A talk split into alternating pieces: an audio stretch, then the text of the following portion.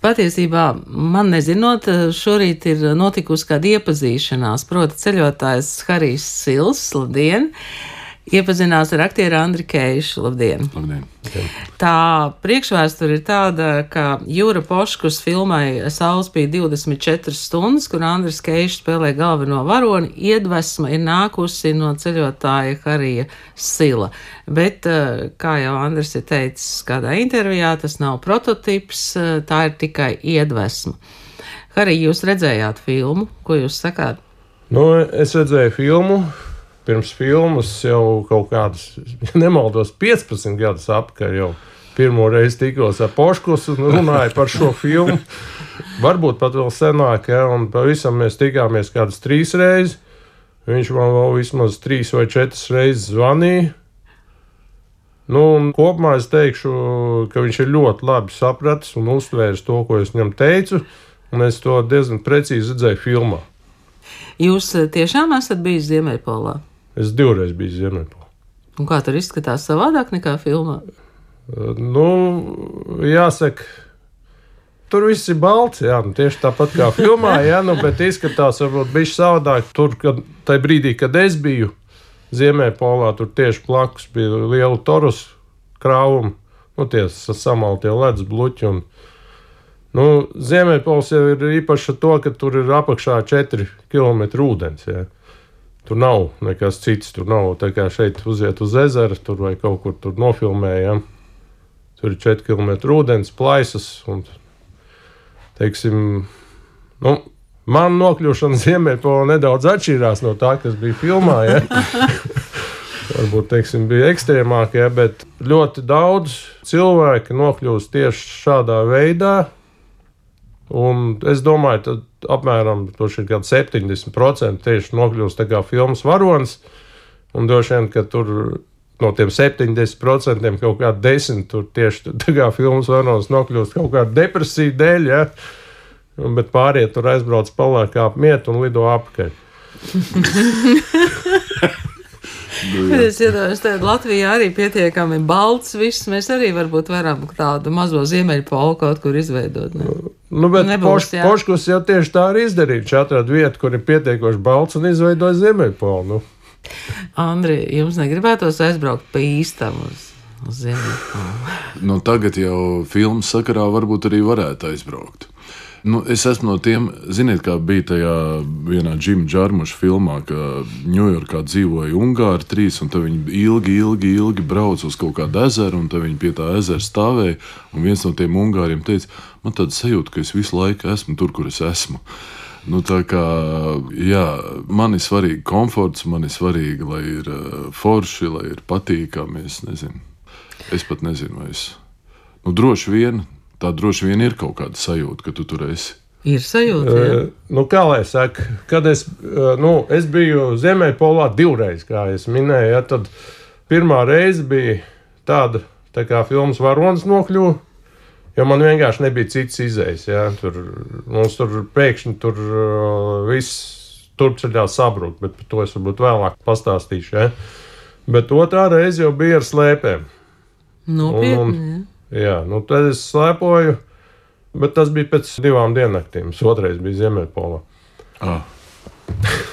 turpat, turpat, turpat, jā, jā, jā. turpat mūs vienkārši no helikoptera izlaida tur kaut kādus tur 60 km vai 50 tiešā līnijā no Ziemeļpola, un mēs slēpojām. Bet, nu, tur bija, tas bija vairāk apstākļu tajā gadā, piemēram, salūz lidlauks, un tieši tāpat kā tur filmā varoņi, mēs tur sēdējām. Tas arī paņemts no manas stāsta ka sēž gaida un tev katru dienu nāk un sprauž kaut kādas batonas, un šodien mēs tur lidosim.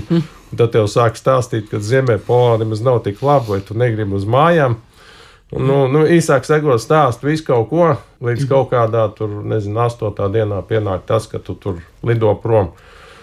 Un, un tad tev aizlidina nevis uz Borneo bāzi, ko Krievi tur izveidojuši, bet uz Severnē zemļā mūs aizved ar visiem tiem brīnumiem, kas tur bija līdzi tiem visvecākajiem cilvēkiem pasaulē. Mums ir mazdēls arī tāds - arī bija. Jā, jā, jā, jā. Maz, mazdēls tur. Un interesantākais tas, un manuprāt, smieklīgākais bija tas, ka viņi pat vizītkārti bija rakstīts. Ka viņš tur nav inženieris vai ārsts, bet viņš ir amunizēts mūsdienās.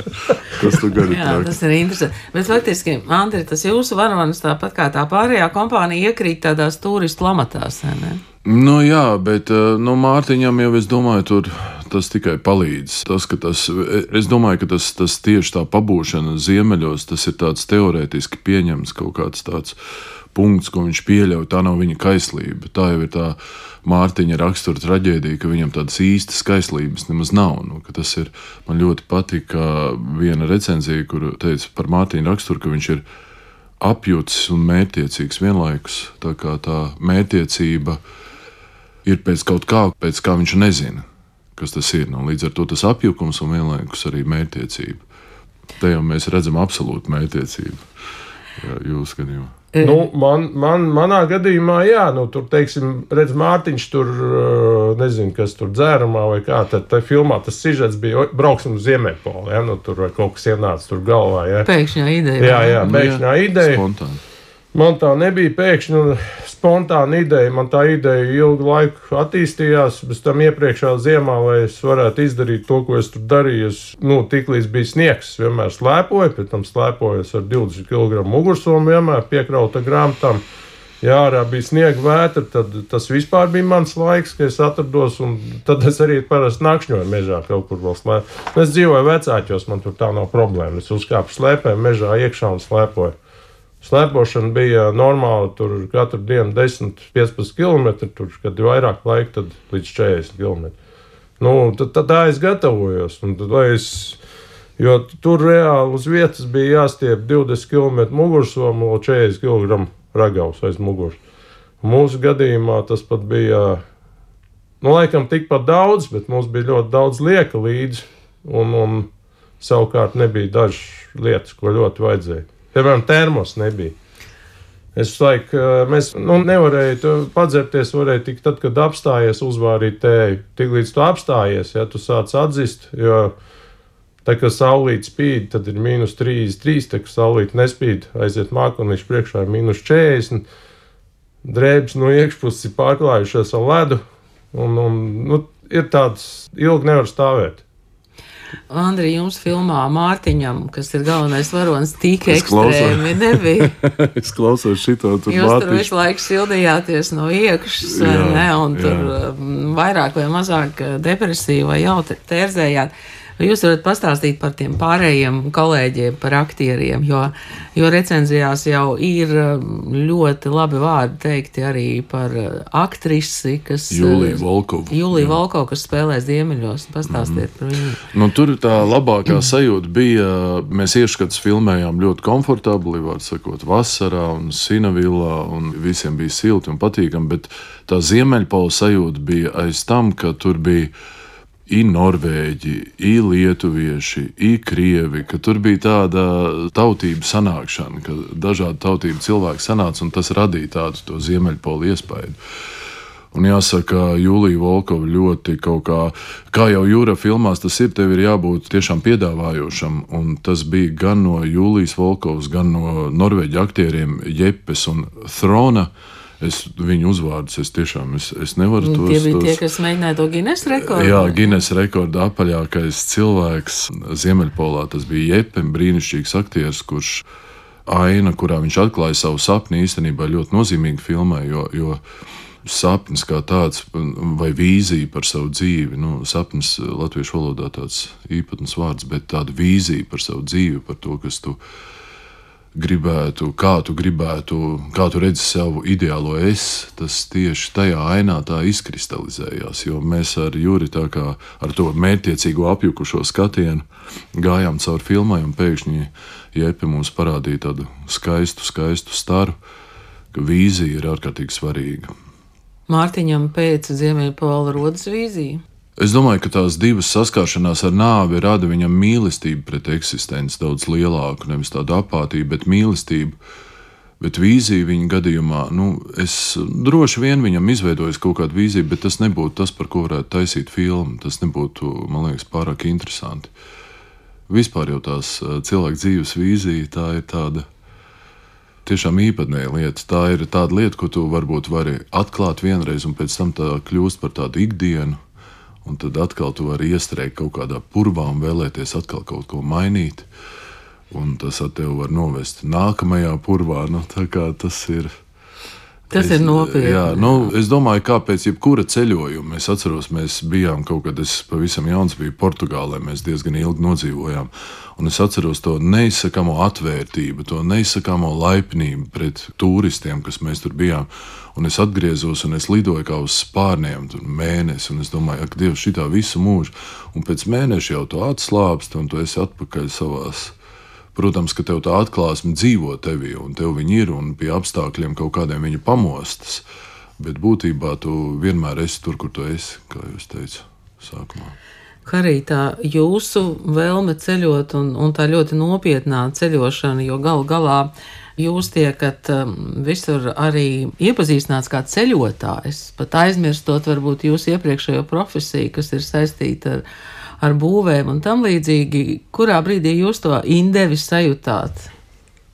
Nu, tas droši vien bija vēl pirms tās došanās uz Ziemeļpolu, noteikti agrāk. Tas varētu pateikties jau manai mātei, tur, manai vecmāmiņai, kas nu, savu laiku jau, piemēram, mēs jau braucām uz Melno jūru, kas jau bija mazs bērns. Ja? Un, un man māte kaut kā veiksmīgi apprecējās ar demokrātisko vācieti. nu, tā, tā kā man tur sanāca trīs vasaras, tajā laikā, kad vēl bija Padomju Savienība, braukāt uz Demokrātisko Vāciju pavadīt. Nu, tas ir priekš tiem laikiem, tas bija kaut kas jau ļoti, ļoti daudz. Jo tā tomēr bija pilnīgi atšķirīga pasaule ar uh, pilniem veikaliem pēc mūsu uztveres. Un, un nu, arī tur, nu, labi, tur pēc tam mēs, protams, uzzinājām, ka viņam tur ierobežojumi bija vēl lielāki nekā šeit. Bet, bet nu, teiksim, kas attiecās konkrēti uz Ziemeļpolu, ja, tad tas kaut kā tomēr nelielu lūzumu man tur radīja un tādu tā kā aizgāju, varbūt bišķiņu no, nosacīt ceļotāju karjeru, man gāja uz augšu pateicoties tam, es iepazinos vēl ar cilvēkiem.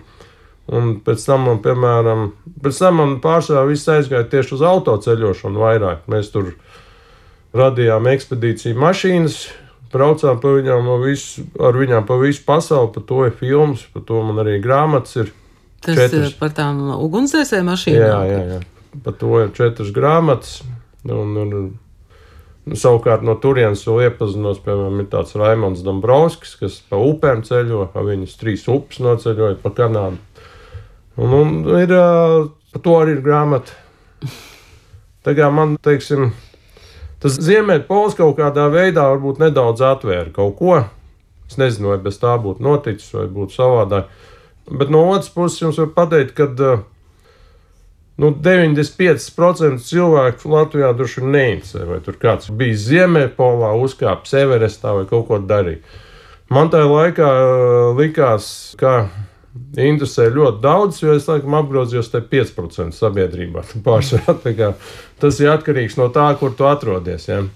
Un arī tā 5% sabiedrība tā tad zina par maniem, jau jā, tur par mani, un uh, attiecīgi arī tur nu, kaut kā tur es ar viņiem varu kontaktēt, tu ieiet tajā apritē. Un... Nu, jūs interesē tāda ekstrēmā ceļošana, vai ne? Nu, jā, jā. Tiesa gan jāsaka, ka diezgan te viss kaut kādas korekcijas ieviesis ir Covid. Jā, es ārpus, man liekas, Eiropas kontinentu nemaz neesmu bijis. Es Covid sagaidīju Amerikā, jā, teiksim. Mm. Mēs tur ar busiņu braucām no Sietlas uz Meksiku, jā. Kaut kā, nu, draugam tur busiņš, mēs izdomājām, ka jāaizbrauc. Bet tad iebraucām Meksikā un uznāca Covid. Un... Nu, tā kaut kā. Jā, nu droši vien, ka Covid un karš ir daudz ko izmainījis. Jūs filmu filmējāt pirms cik gadiem? Nu, tas ir 18, 19 gads, kad mēs Tātad filmējām. Pirms Astom, jā, pirms kara un visi, Covid, jā, jā. pirms kara un Covid. Jā, Jakutī mēs filmējām 18. ja es nemaldos. Un pārējo tad 19. tepat Latvijā. Jā, jā. Ne, es par tiem vecākiem redzu, manā mamā kā veda bērnībā visu laiku uz teātru. Tāpēc tas, tā ir, tas ir cik svarīgi, savs. cik, jā, cik svarīgi ir bērnība. vai ne? Jā, Kādas nu, tur- pēdas tā atstāja. Jā, mums jābūt uzmanīgiem Nu, jā, principā attiecībā, jā, attiecībā uz saviem bērniem un Bērniņiem, mazbērniem. Arī pēc Covid un kara, kur jūs esat braucis? Kur es tagad Jā, braucu? nu, nu, kur jūs braucāt, piemēram, šajā pēdējā gadā? Nu, man ir tādi mazie ceļojumi, visādas saliņas, pa Eiropas daudz braucu. Visādas saliņas izklausās labi. Jā. Nu, tur nē, nu, ir, ir jau jāapskata arī Eiropa. Jo man Eiropa kaut kā bija pat palikusi novārtā. Jā, jums lai bija tālie braucieni. Jā, jā, tur, tur, nu, kā, nu.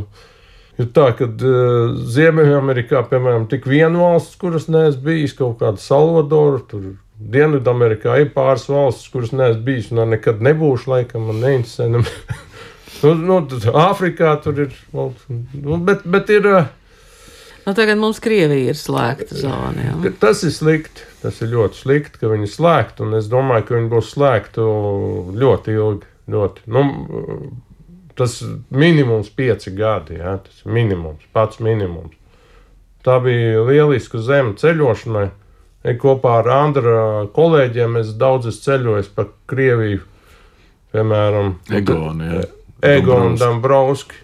Starp citu, Jānis Kutels, Jānis Kutels jā. Aldis Iliņš, mm -hmm. Gintu Grāveli. Tie visi man braukuši vienā mašīnā pa Krieviju. Un, un, uh, nu, es viņam tur biju kā instruktors un uh, bezsēdz braukšanu. Mēs, mēs apstājām ļoti interesantas vietas, un tie arī savā veidā bija ekstrēmi ceļojumi. Mēs jau braucām pa Krieviju, pilnīgi tur īsti nezinot, uz kurieni. Nu, it kā zinot, ja maršruts jau bija izdomāts. Jo, Tā tomēr bija filmēšana. Mēs uzņēmām nu, tādus tā ceļojumu seriālus. Ja?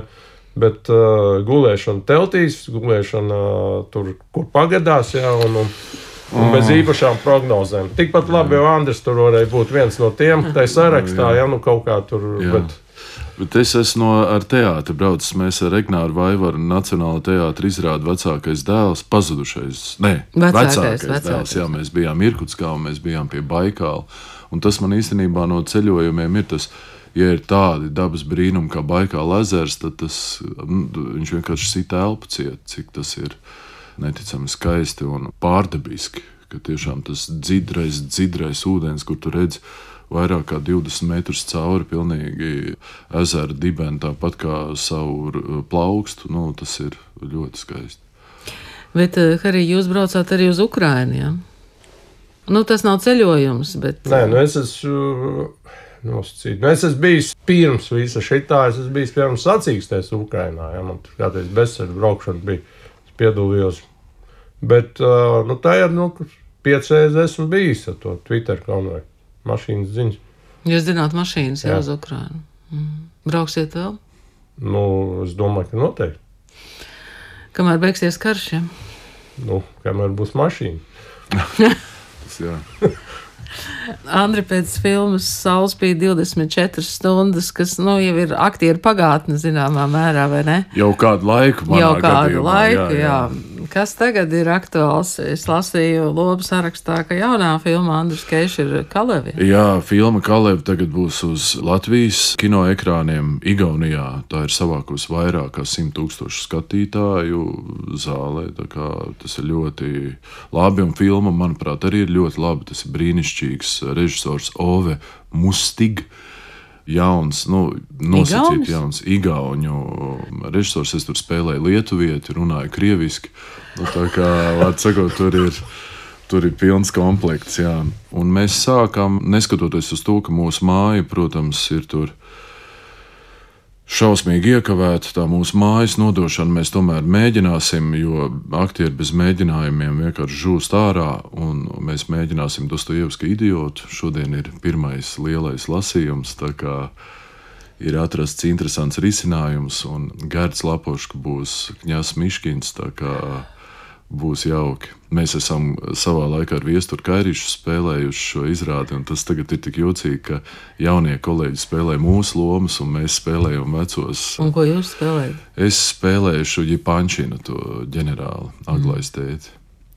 Tā kā nu, viss notiek, darbs notiek, un, un būs arī viena kino loma. Uh, garfilmā. Nu, es to tā to sauktu, jo tās ir eh, vairākas sērijas eh, nopietnai filmai, ko Stastu Kālos un Jūras kursietis taisa, tas sauc Soviet Jeans.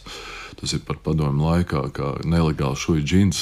Tāds, nu, atsakot, tur būs nopietns, interesants darbs. Jā. Jā. Un, un, nu, no, un šobrīd mēs filmējam tādu filmu, kas saucas Trīsvienība. Tas ir Patriks Veiga, tas ir poļu režisors, brīnišķīgs. Mums bija ļoti laba sadarbība filmā mazā pasaule, kur es spēlēju pretīgu, ļaunu pedofīlu. Es atvainojos, bet, jā, bet tas bija, tā, tā bija laba filma, un tagad mēs esam. Un tur pa ceļošanu, jā, mēs bijām pirmā filmēšanas grupa vispār cilvēces vēsturē, kas filmēja spēļu filmu uh, Svētā kapa baznīcā. Kur tas ir? Sakot, tas ir Jeruzāleme, Jēzus Kristus uh, kapavietas baznīcā. Un viss bija nomaksāts, un viss bija tur sarunāts. Es apbrīnoju tos poļu producentus, ka viņi varēja visas tās konfesijas, tur visas starp visiem vienoties, un viss bija kārtībā. Un mēs esam tikuši galā ar koplāniem, un paliek tūplāni, un atnāk armēņu biskups un iztriec mūsu LR ratā. No tur, ne, es atvainojos, ne LR ratā, bet vienkārši No patriec jā. mūs, jā, patriec mūs no. no Baznīcas teritorijas, neskatoties to, ka viss ir samaksāts, tāpēc ka šeit nav nekāds filmēšanas laukums, bet ir dievnams. Mēs vēl tā kā mēģinājām kaut kā bišķi spuroties pretī, atnāca policists ar automātu, un tad gan mēs aizgājām. Bet, paldies Dievam, koplāni bija nofilmēti, un tad tūplānus mēs citviet nofilmējām. līdzīgu rekorda nebūs. Nē, nu ir, ir, Ir, kaut ir. kādā ziņā ir. Jā, tā kā interesanti. Un, nu, jā, nu, tā ceļošana no vienas puses, kad mani tur iemet, tad es esmu laimīgs, protams, ceļošanā. Jo tā filmēšana vēl beidzās ar to, ka mēs izbraucām agrāk, kā, nu, izbraucām kā plānots uz Telavības lidostu, un tur izrādās ir atcelts reiss. Mēs pagulējām, un tad mēs pamodāmies un izlasījām ziņu, ka tajā autobusu pieturā, kurā mēs kāpām iekšā, bija sprādziens. Tā kā mēs kaut kā tikām pasaudzēti, liktenis pasaudzēti. Un, jo, ja, ja, būs, ja, jā. jā, jo ja mums, ja mums pabrīdinātu, ka ir atcelts reizes, mēs trāpītu nedaudz pēc tā sprādziena tai pieturā, un tad varbūt nepaspētu lidmašīnu. Harī, kas jūsu plānā tagad ir? Nu, man plānā ir, vai gribās atkal uz Argentīnu. Nu, tur ir tādas vietas, kuras es sievai parādā aizvest un parādīt. Ja? Un tad ir Jaunzēlanda, tur es neesmu bijis. Nu, tās tādas tālāk. Es gan esmu bijis Jaunzēlandē, Nu, bet es gan tikai pilsētā un, tā, un teātros. Jā. Jā, tā kā būs jābrauc vēl, vai ne? tā, Bet, nu labi, jūs teicāt, sievai parādīt, tad tas nebūs tik ekstrēms brauciens. Nu, nē, tur noīrē mašīnu brauc. Un brauc vienkārši. Nu, Jaunzēlandē man viss šokējošākais bija tas, ka mēs februārī bijām tur spēlēt izrādes, un mēs atbraucām, mēs staigājāmies pa to parku, un tur ir tieši tāds pats āboliņš, kā ir manā lauka mājā, tikai noziedējis jau. Nu, arī nu, tā kā, kā mums ir augustā, tā tur ir februārī. Tas bija tik. Tas bija tik jocīgi, ka tieši tas pats augs arī tur nu, kaut kas baigs silts. Nu, tā kā mājas un vasara uzreiz kaut kāds tāds jūtu kokteils. Un, Harī, jūs kādu grāmatu arī plānojat rakstīt? Jaunu. Nu, teiksim, pa ceļojumiem man šobrīd, es uzskatu, baigi nav kur izpausties. To, to ko es gribēju, es piecās esmu pateicis, un tur viss, viss ir. Un, un par tieši es esmu kaut ko mēģinājis arī. Tam pašam Poškusam es kaut vai devis tur scenāriju idejas, ja es esmu devis Oskaram Rupenhaitam scenāriju ideju. Poškusam, man liekas, būs jādod vēl vienreiz. Viņš saka, bija īsti nesapratu, ko es viņam toreiz stāstīju. Ja? Šito filmu es pastāstīju, es, es domāju, ka uh, viņam, viņam tur varētu aiziet. Man ir pāris idejas, ko viena ir tieši Poškus stilā, ko viņam vajadzētu, kas viņu varētu ieinteresēt. Bet, zinot Poškus, jā, nu, tad jautājums, vai mēs līdz tam nodzīvosim. Pēc cik gadiem, jā? Jā. Nu, Juris Poškus tagad uzfilmēs kalendārus, man sauc, un tad jau redzēsim. Nu, viņš pie tām filmām strādā. Nu, viņš jau pats arī pateica, ka uh, filmas un kino tā ir viņa dzīve. Nu, viņš, es, es to viņa tā attieksmi tā arī saprotu, ka viņš pie viņām tur. Viņš arī viņās ir iekšā laikam, jā, un viss tā, tā laikā, kad viņš tur filmē, tad, tad viņam citas dzīves nav, un arī pirms tam viņš tur par viņām domā, nu, es saprotu, ļoti daudz teiksim, Poškurs films jau vispār ir ļoti īpatnējs. Ja? Nu, tur paši pa sevi un, un teiksim, tā, tā tas ir viņa pieejams. Ja? Nu, arī tas, ka viņš, eh, kad strādā pie filmām, tad viss, kas ir apkārt, tur ir ievilkti. Man liekas, ka Rīgā ir tik daudz cilvēku, kas ir dzirdējuši par Ziemeļpolu, kur ir ievilkti radošajā radīšanā, var sakot, kuriem ir bijis jāizsaka viedoklis par tādu vai tādu ainu. Nu jā, Juris. Jūras Pirms ļoti. tam bija pieredze ar kolku kūlu. Mm -hmm. Jā, bet kolka tomēr tie bija cilvēki, kas man ir jaunpilī daudz tādi cilvēki, kurus es pazīstu, tādi šērpi, kurzemnieki un līdzīgi arī Jurim uh, Mazirbē. Tā kā tie bija tādi mūsu pavisam blakus stāvoši cilvēki, tāpēc tur bija daudz vieglāk, jo tomēr Mārtiņš ir uzņēmējs. un Man ir draugi uzņēmēji, bet tas parasti ir. Es viņu to darba jundu es vispār nezinu. Es zinu tikai to, ka viņi atnāk uz kādu pirmizrādi, un tad mēs pasēžam, vai tad mēs kaut kur, es nezinu, kādā dzimšanas dienā satiekamies. Tā, kā tā bija tāda nepazīstama teritorija. Un tas bija tas grūtums lielākais Ziemeļpolā. Stundās, jā. Jā, saules bija 24 stundas. Tagad uh, filma ir skatām uh, Latvijas kinoteātros, ne tikai Rīgā, bet daudz viet citur. Un uh, šodien paldies, es saku ceļotājiem Harijam Silam un aktierim Andrim Keišam. Paldies jums! Paldies!